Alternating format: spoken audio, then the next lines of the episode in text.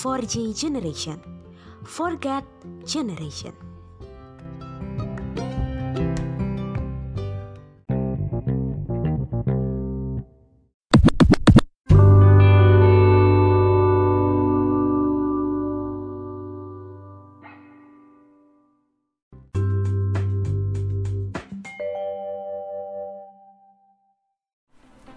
Halo, shalom teman-teman 4G Generation. Gimana kabar kalian, teman-teman? Saya berdoa teman-teman dan semuanya dalam keadaan yang baik-baik saja, gitu ya. Dalam kondisi yang gak enak ini kita tetap bersyukur sama Tuhan. Kenapa kok bersyukur Yovan? Karena kita masih boleh diberi kesempatan untuk beribadah, walaupun via online. Kita eh, kita percaya bahwa walaupun lewat online sekalipun dan di rumah masing-masing, tapi kita tetap bisa menerima lawatan Tuhan. Amin teman-teman. Oke, sebelum itu kita sama-sama berdoa, gitu ya, agar di mana pun teman-teman berada tetap bisa eh, merasakan lawatan Tuhan, kehadiran Tuhan di rumah kalian masing-masing. Kita berdoa. Tuhan Yesus terima kasih buat berkat Tuhan yang sudah boleh Kau berikan bagi setiap kami. Dan terima kasih juga untuk kami tetap boleh beribadah Tuhan walaupun via online. Kami percaya hadiratmu nyata di tengah-tengah kami saat ini di mana pun kami berada Tuhan. Kami memuji Engkau mendengar firman-Mu Bapa. Hanya di dalam nama Tuhan Yesus, kami semua sudah berdoa dan mengucap syukur. Amin.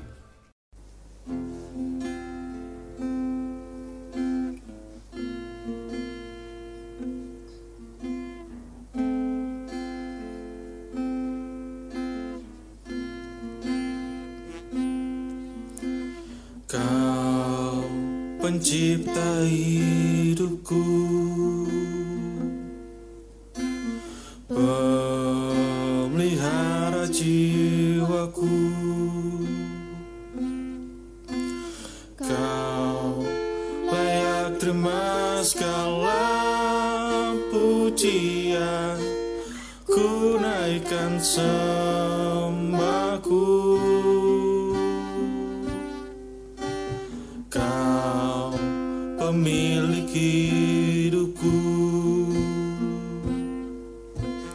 Dalam kasih setiamu Yesusku kau Layak terima segala pujian.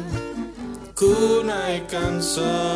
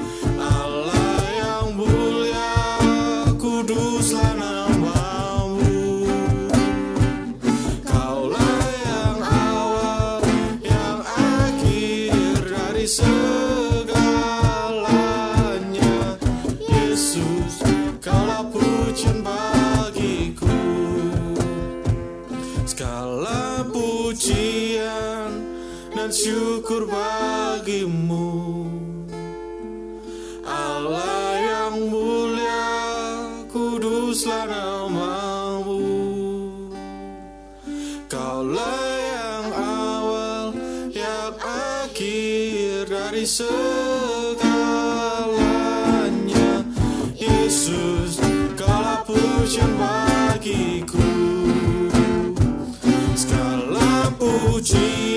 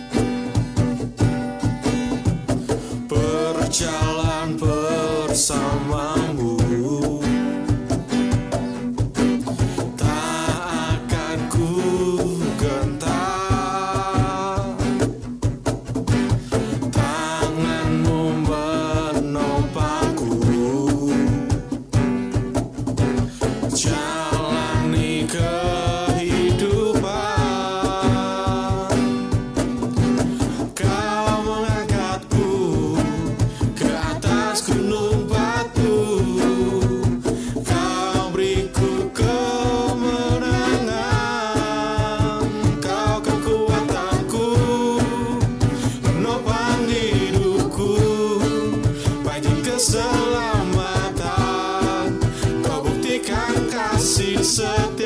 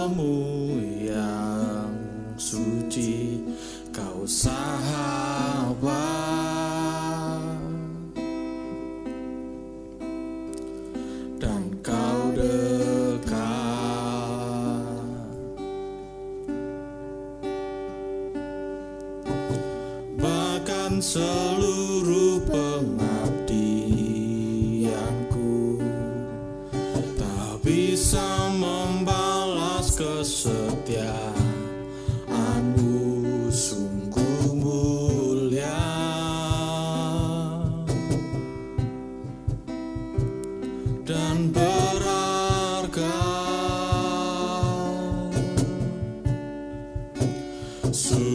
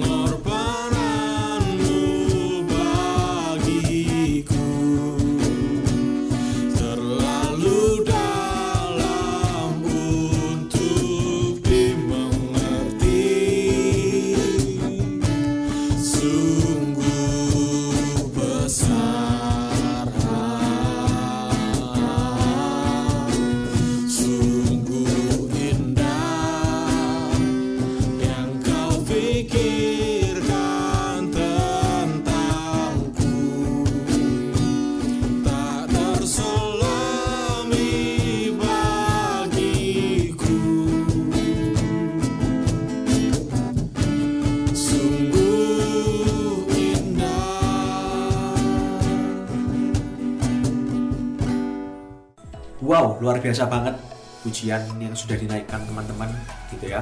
Saya pun juga ikut memuji Tuhan dan merasakan bahwa Tuhan sayang sama kita semua. Sungguh besar kasih setia Tuhan bagi setiap kita. Sebelum kita mendengarkan firman Tuhan, mari sama-sama kita berdoa. Bapak kami dalam surga, terima kasih buat berkat Tuhan. Buat pujian yang sudah kami naikkan Tuhan, kami bersyukur. Walaupun di tengah kondisi saat ini Tuhan, kami mau tetap memuji Engkau, mau membesarkan nama Engkau Tuhan. Terima kasih Tuhan, terima kasih. Dan hari ini kami mau mendengarkan firman Tuhan. Kau berkati pembicaramu yang sudah Kau siapkan Tuhan. Agar melalui mulut lidah bibir hambamu ini Tuhan. Firman Tuhan boleh diberitakan dan hasilnya Tuhan boleh masuk ke dalam hati kami masing-masing, boleh berbuah dan hasilnya dinikmati oleh semua orang. Ini doa kami Tuhan, terima kasih kami serahkan ke dalam tanganmu Bapa di dalam nama Tuhan Yesus. Kami sudah berdoa dan mengucap syukur. Sama-sama katakan. Amin. Oke teman-teman 4G sekalian semuanya, Shalom. Haleluya. Kita percaya kita punya Tuhan yang baik, kita percaya kita punya Tuhan yang kasih setianya besar buat setiap kita yang setuju katakan amin. Ya teman-teman, di mana pun kita berada, kita percaya hadirat Tuhan ada di setiap tempat kita, di mana pun kita berada, kita boleh merasakan lawatan Tuhan dahsyat atas kita. Haleluya. Nah teman-teman sekalian, firman Tuhan saat ini saya beri judul Restoration. Kita akan buka kitab kita sama-sama dari 1 Yohanes 3 ayat yang ke-11 sampai yang ke-18. 1 Yohanes 3 ayat yang ke-11 sampai yang ke-18. Saya akan membacakannya buat teman-teman sekalian. Sebab inilah berita yang telah kamu dengar dari mulanya, yaitu bahwa kita harus saling mengasihi. Bukan seperti Kain yang berasal dari si jahat dan yang membunuh adiknya. Dan apakah sebabnya ia membunuhnya? Sebab segala perbuatannya jahat dan perbuatan adiknya benar. Janganlah kamu heran, saudara-saudara, apabila dunia membenci kamu. Kita tahu bahwa kita sudah berpindah dari dalam maut ke dalam hidup, yaitu karena kita mengasihi saudara kita. Barang siapa tidak mengasihi, ia tetap di dalam maut. Setiap orang yang membenci saudaranya adalah seorang pembunuh manusia. Dan kamu tahu bahwa tidak ada seorang pembunuh yang tetap memiliki hidup yang kekal di dalam dirinya. Demikianlah kita ketahui bahwa kasih Kristus, yaitu bahwa ia telah menyerahkan nyawanya untuk kita, jadi kita pun wajib menyerahkan nyawa kita untuk saudara-saudara kita. Dan barang siapa mempunyai harta duniawi dan melihat saudaranya menderita kekurangan, tetapi menutup pintu hatinya terhadap saudaranya itu, bagaimanakah kasih Allah dapat tetap di dalam dirinya? Anak-anakku, marilah kita mengasihi bukan dengan perkataan atau dengan lidah, tetapi dengan perbuatan dan dalam kebenaran. Nah teman-teman sekalian, jadi beberapa hari yang lalu begitu ya, eh, ketua 4G kita ya yang namanya sudah begitu terkenal ya, seluruh dunia juga sudah tahu dan teman-teman semua saya yakin sudah tahu bahwa ya orang itu sangat terkenal jadi saya nggak perlu sebut namanya kalau dia adalah Yovan. Nah, teman-teman sekalian kita tahu bahwa eh, dia adalah ketua 4G yang begitu luar biasa. Nah, suatu ketika dia menghubungi saya begitu ya, meminta, eh, kok saya bisa nggak bantu untuk eh, menyampaikan firman Tuhan buat 4G generation. Nah, teman-teman waktu itu kemudian saya berpikir seperti biasa kan, tanya kan, ah temanya apa nih Van? Nah, pada saat itu saya tanya temanya apa, sebenarnya dalam hati saya sudah memikir, ah paling bakal dipas-pasin lah sama keadaan corona, corona COVID-19 ini gitu kan. Nah kemudian ternyata Yovan itu menjawab, oh temanya itu kepedulian kok. Nah, saya sudah pikir, tuh kan bener kan? semuanya dipas-pasin kan sama uh, COVID-19 ini kan begitu ya. Nah, kemudian uh, ya ketua 4G tadi yang saya nggak akan sebutkan namanya itu, nah dia bilang begini, uh, dia akan saya kirim voice note kok, gitu kan? Berapa berapa waktu kemudian, uh, setelah satu jam lah kalau saya nggak salah ingat, uh, Yovan akhirnya kirim nih voice note ke saya. Nah pada waktu dia kirim, terus saya sudah pikir, wah paling-paling mau jelasin nih, kok temanya dipas-pasin ya sama keadaan corona, COVID-19 gitu. Nah kemudian teman-teman, akhirnya uh, saya dengerin aja, dia bahas gitu. Jadi kok tema kita adalah kepedulian bulan Ju, uh, Juni ini. Nah saya pikir loh, bener kan, pasti dipas-pasin. Nah tapi ternyata kemudian Jovan bilang begini, uh, tapi kok kita tuh sebenarnya sudah mempergumulkan tema ini sejak Januari. Jadi kan kita waktu itu belum tahu nih kalau COVID ini bakal kayak gini gitu. Nah tapi nggak uh, tahu ya kenapa kok tiba-tiba pas gitu kan sekarang dari Januari keadaannya uh, mempergumulkan untuk temanya itu adalah ke kepedulian dan ternyata di keadaan bulan-bulan Juni ini seperti ini begitu. Wah lalu saya tuh pikir ya ampun saya kok jadi salah sangka ya sama Yovan ya. Saya kira hanya sekedar dipas-pasin. Eh ternyata dia sama pengurus sudah mendoakannya, dia sama pengurus sudah mempergumulkannya dari Januari. Saya kira wah luar biasa Tuhan ini ya sudah membisikkan dari bulan Januari untuk temanya itu bisa pas begitu ya untuk keadaan COVID-19 di bulan-bulan ini teman-teman. Nah, tapi ya tolonglah buat teman-teman sekalian ini rahasia kita saja. Jangan sampai ketua kita yang saya nggak akan sebut namanya itu ya bahwa namanya Yovan saya nggak akan sebut namanya. Tolong jangan kasih tahu dia jangan sampai dia tahu bahwa saya sempat salah sangka sama dia ya. Nah nah teman-teman sekalian tapi poin saya adalah ini. Ayo kita mau tangkap apa yang menjadi visinya Tuhan apa yang mau Tuhan ingin sampaikan melalui firman-Nya untuk kita bisa menangkap isi hati Tuhan di tengah-tengah COVID-19 ini yang sudah Tuhan bisikan melalui pengurus dan ketua kita for Generation. Nah, eh, teman-teman kita mau menangkap apa yang menjadi message yang dari Tuhan yang akan kita pelajari bersama-sama tentang kepedulian ini. Nah, teman-teman pertanyaannya sekarang buat setiap kita, sudahkah kita selama ini mempedulikan orang-orang di sekitar kita? Kalaupun kita sudah mempedulikannya, mengapa kita harus mempedulikan orang-orang di sekitar kita itu? Nah, dan bagaimana kita itu bisa memberikan kepedulian bagi orang-orang di sekitar kita yang mendatangkan pemulihan, restoration buat orang-orang di sekitar kita ini. Nah teman-teman sekalian, sebagai bukti bahwa kita itu beneran anak-anak Allah, Yuk kita mengasihi orang lain dengan perbuatan dan dalam kebenaran, sehingga kita itu bisa membawa pemulihan, membawa restoration bagi orang-orang di sekitar kita. Nah, teman-teman, sebab itu bagaimana sih kita itu bisa membawa uh, kepedulian yang membawa pemulihan bagi orang-orang di sekitar kita? Nah, teman-teman, kalau kita baca di teks yang kita baca tadi ini ya, di ayat yang ke-11 itu dikatakan ada satu message, begitu ya, seperti kalau mungkin orang WA-an gitu ya. Wah, ini ada satu nih message yang penting yang dulu tuh sebenarnya sudah ada. Dulu tuh sebenarnya sudah, sudah digaungkan, sudah pernah di-share gitu ya, pernah dibagikan, pernah viral gitu dan message itu tetap penting sampai hari ini. Apa itu? Yaitu bahwa kita harus saling mengasihi. Nah, kemudian mengasihi ini dari dalam ayat 11 itu, kemudian Yohanes membaginya menjadi dua. Di ayat yang ke-12 sampai ayat yang ke-15, dia membaginya menjadi apa yang tidak boleh dilakukan, dan di ayat yang ke-16 sampai yang ke-18, apa yang harus dilakukan. Nah, kita akan lihat ya, apa yang tidak boleh dilakukan. Ayat yang ke-12 sampai 15 menjelaskan apa yang tidak boleh dilakukan itu adalah membenci. Nah, dia merangkum pembahasannya ini dengan yang pertama dia memberikan contoh siapa sih contoh yang paling buruk dalam membenci ini itu adalah Kain. Kenapa? Karena dia justru membenci adiknya sendiri dan bahkan membunuh Habel. Siapa Habel? Adik kandungnya. Dan bahkan dikatakan kenapa Kain sampai membunuh Habel? Karena semua perbuatan Kain itu jahat dan perbuatan Habel itu benar. Jadi karena dia jahat dan perbuatan Habel benar, justru dibunuh Habel itu adiknya sendiri.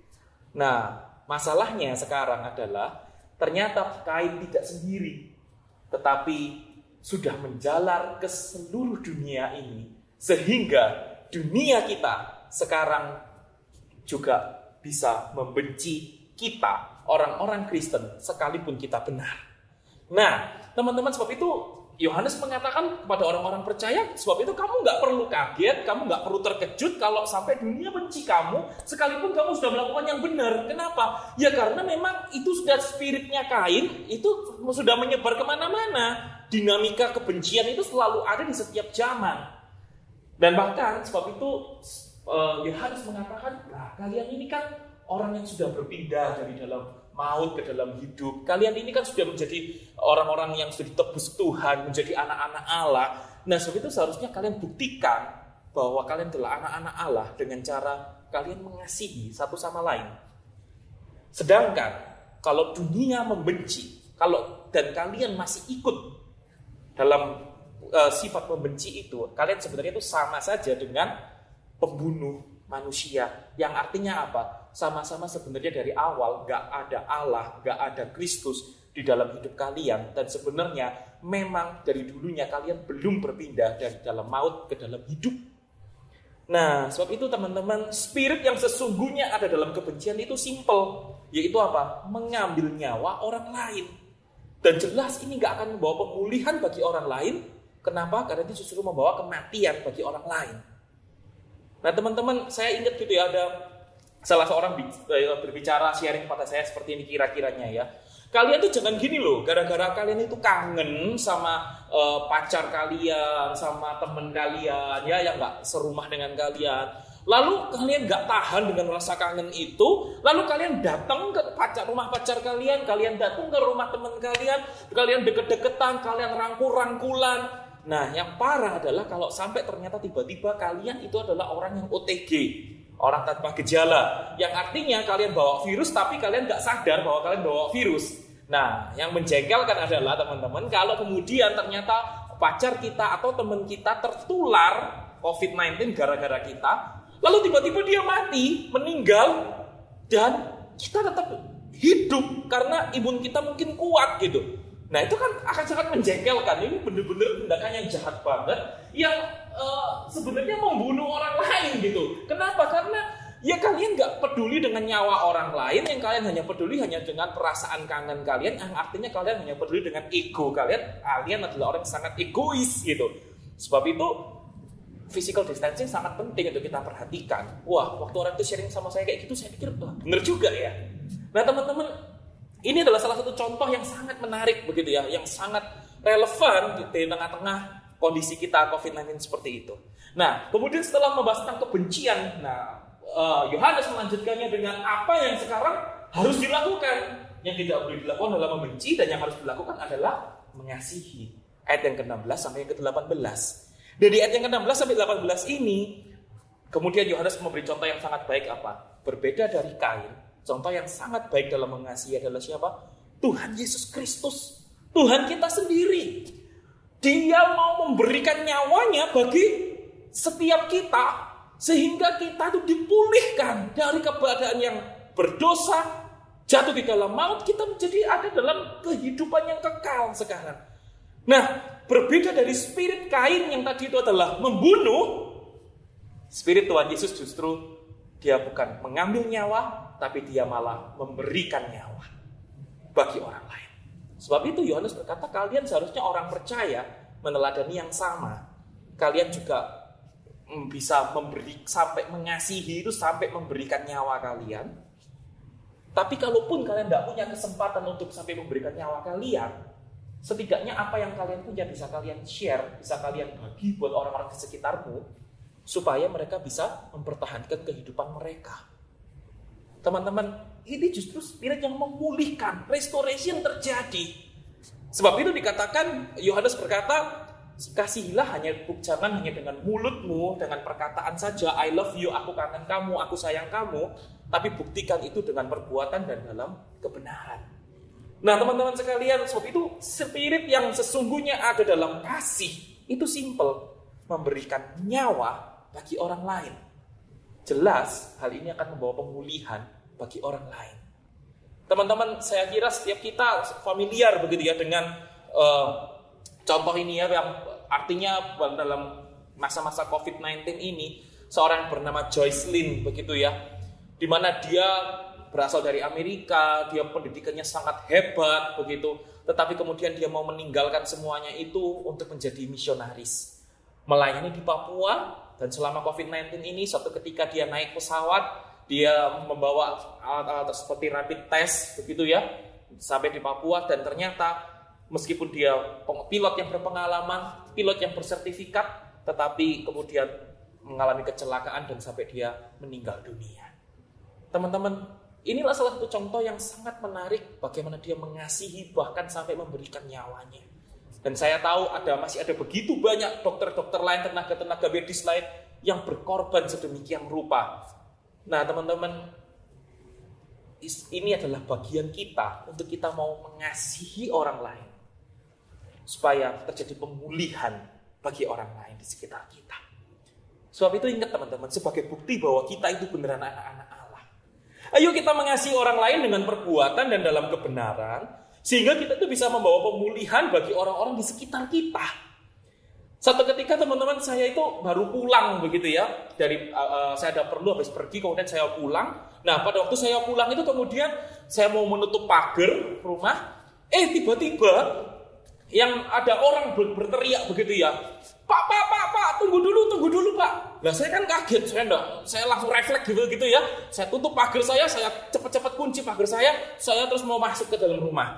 Nah terus ternyata, bapaknya tuh bilang dari jauh, Pak tolong Pak, kasihani saya Pak. Ini kan masa covid corona corona ini susah dapat uang Pak untuk makan biaya makan Pak. Nah, tapi karena waktu itu masih refleks kaget begitu ya dengan eh, kejutan yang se- secara mendadak, saya langsung cuma bilang, iya ya tunggu dulu ya Pak, tunggu dulu, saya mau masuk dulu. Nah, saya masuk, baru saya coba berpikir dengan tenang begitu teman-teman ya.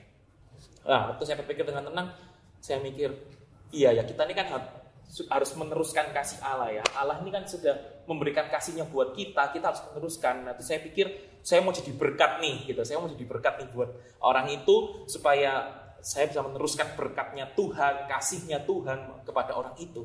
Nah, waktu terus saya sudah berpikir, saya coba lihat waktu itu di dompet saya ada ya sejumlah uang yang mungkin kali itu memang lebih besar daripada biasanya, tapi, tapi memang karena kasus khusus COVID-19 begitu ya, saya siapkan begitu. Nah, kemudian saya keluar. Nah, ternyata waktu saya buka pintu keluar, lu bapaknya sudah nggak ada. Wah, mungkin terlalu lama begitu ya. Saya berpikir di mer- merenungkan, mempertimbangkan. Nah, tetapi teman-teman tahu, kemudian saya lihat-lihat, oh ternyata bapak itu ada di tetangga saya, gitu ya. Ada di tetangga saya juga sama gitu, sedang meminta-minta begitu. Akhirnya saya bilang sama bapak, Pak, sini Pak, ini Pak. Gitu, saya kasih kan sejumlah uang. Nah, ternyata yang mengejutkan adalah apa? Tiba-tiba bapak itu menerima, melihat uang itu, Eh bapaknya bilang gini, terima kasih Tuhan memberkati. Ya keluarga Bapak ya Tuhan memberkati. Pekerjaan Bapak ya Tuhan memberkati ya. Amin, amin, amin. Tuhan memberkati ya Pak. Saya sampai kaget loh. Tadinya bukannya saya yang maksudnya mau jadi berkat buat dia gitu ya. Loh kok sekarang bapaknya malah memberkati saya. Wah ini luar biasa begitu ya. Nah teman-teman, tapi yang kita bisa lihat kan di sini ada pemulihan terjadi ketika kita mau mempraktekkan kasih kita dalam kas dalam kebenaran dan dalam perbuatan kita. Nah, teman-teman, di tengah-tengah masa Covid Corona, COVID-19, masa-masa Corona seperti ini, ada banyak krisis yang terjadi di sekitar kita. Mungkin ada yang mengalami krisis fisik, mungkin ada yang mengalami krisis mental, mungkin ada yang mengalami krisis spiritual. Lah kita bisa bantu kan teman-teman, orang-orang di sekitar kita seperti itu ya. Krisis fisik misalnya katakanlah, mereka butuh keuangan, susah makan. Nah mungkin kita bisa membantunya dengan cara pesanlah oj- makanan melalui ojek online kirim gitu ya ke rumah teman kita. Atau mungkin bahkan kita pesan ojek online untuk bapak on, ojek online itu sendiri begitu ya. Nah mungkin untuk yang krisis mental ada yang merasa kok kesepian begitu ya atau depresi karena biasanya bisa kumpul dengan banyak orang. Sekarang sendirian terus harus di rumah terus gitu ya mungkin stres. Teman-teman kita bisa bantu dengan cara mungkin kita chat teman kita itu kita ajak ngobrol kita telepon begitu ya. Kita ajak ngobrol supaya teman kita nggak kesepian. Nah mungkin juga ada yang mengalami krisis secara spiritual. Merasa kenapa kok Tuhan diam aja? Kenapa kok Tuhan tidak bertindak dalam kasus corona seperti ini? Atau bahkan mungkin mempertanyakan sebenarnya Tuhan ini maunya apa begitu ya. Nah teman-teman di dalam keadaan yang seperti ini kita kan bisa misalnya ibadah-ibadah online di gereja kita kita share begitu ya kepada teman-teman kita supaya mereka juga dikuatkan imannya. Mereka bisa melihat kos- kasus COVID-19 ini dalam kacamata kedaulatan Tuhan. Dan kita mungkin bisa tanya juga ada nggak topik-topik yang bisa kami do- doakan? Ada nggak hal yang bisa aku bantu dalam doa aku dukung dalam doa? Banyak hal teman-teman yang bisa kita lakukan untuk membantu teman-teman di sekitar kita. Nah teman-teman ingatlah seberapapun besarnya dosa kita, seberapapun kelamnya hidup kita, seberapapun hitamnya masa lalu kita, tetapi Tuhan Yesus mengasihi kita apa adanya. Dia tetap mau mati di atas kayu salib, dia mau memberikan nyawanya, dia mau meninggalkan segala kemuliaannya untuk menebus setiap kita sehingga kita mendapat pengampunan dosa, kita beroleh keselamatan, kita menjadi anak-anak Allah kita mendapat pemulihan restoration itu. Dan yang Tuhan minta sekarang adalah kita melanjutkan kasih Tuhan itu bagi orang-orang di sekitar kita. supaya orang-orang di sekitar kita juga mengalami restoration. Sebab itu ingatlah teman-teman, ini yang kita pelajari saat ini ya, restoration. Ada membenci, ada mengasihi. Membenci itu berarti kita spiritnya mengambil nyawa, sedangkan mengasihi itu spiritnya adalah memberi nyawa. Pertanyaannya buat setiap kita, maukah kita stop untuk saling membenci satu dengan yang lain, teman-teman? Dan maukah kita mau meneruskan kasih Kristus itu bagi orang-orang di sekitar kita? Teman-teman, dan ingatlah ketika kita mau membagikan kasih Kristus itu orang-orang di sekitar kita, pemulihan akan terjadi. Mari kita satu di dalam doa.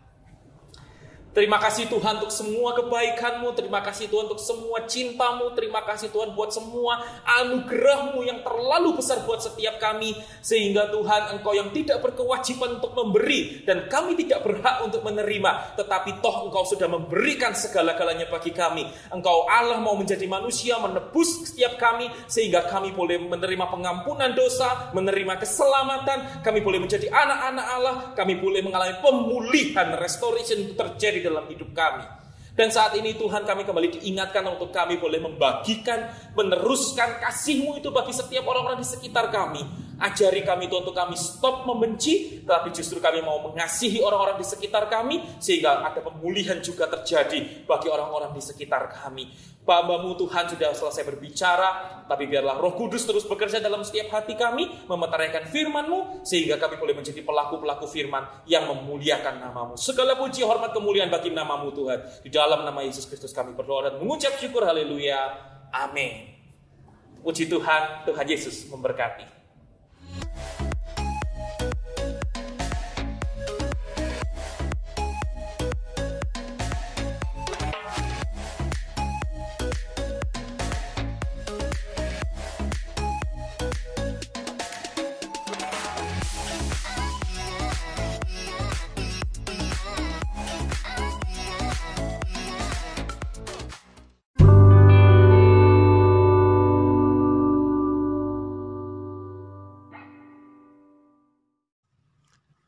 For J generation. Forget generation.